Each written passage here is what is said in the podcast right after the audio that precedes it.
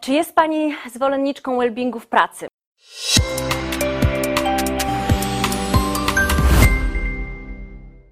Jestem zwolenniczką wellbeingu jako dobrostanu, przy czym e, ja mam problem e, z tym, w jaki sposób definiowany jest well-being przez wiele organizacji. Ja nie uważam, że well-being to jest rozdawanie pracownikom jabłek i well-being to nie jest e, też praktyka mindfulness w sytuacji, w której robimy zwolnienia grupowe, bo takie też, takie też przypadki są znane. Well-being to tak naprawdę pomaganie człowiekowi w tym, żeby był w stanie realizować wszystkie swoje potrzeby. Przy czym e, to nie są tylko potrzeby związane z wykonywaniem pracy. Człowiek ma wiele różnych potrzeb, łącznie z potrzebami fizycznymi, snu, jedzenia, odpoczynku, relaksu. To są ważne rzeczy.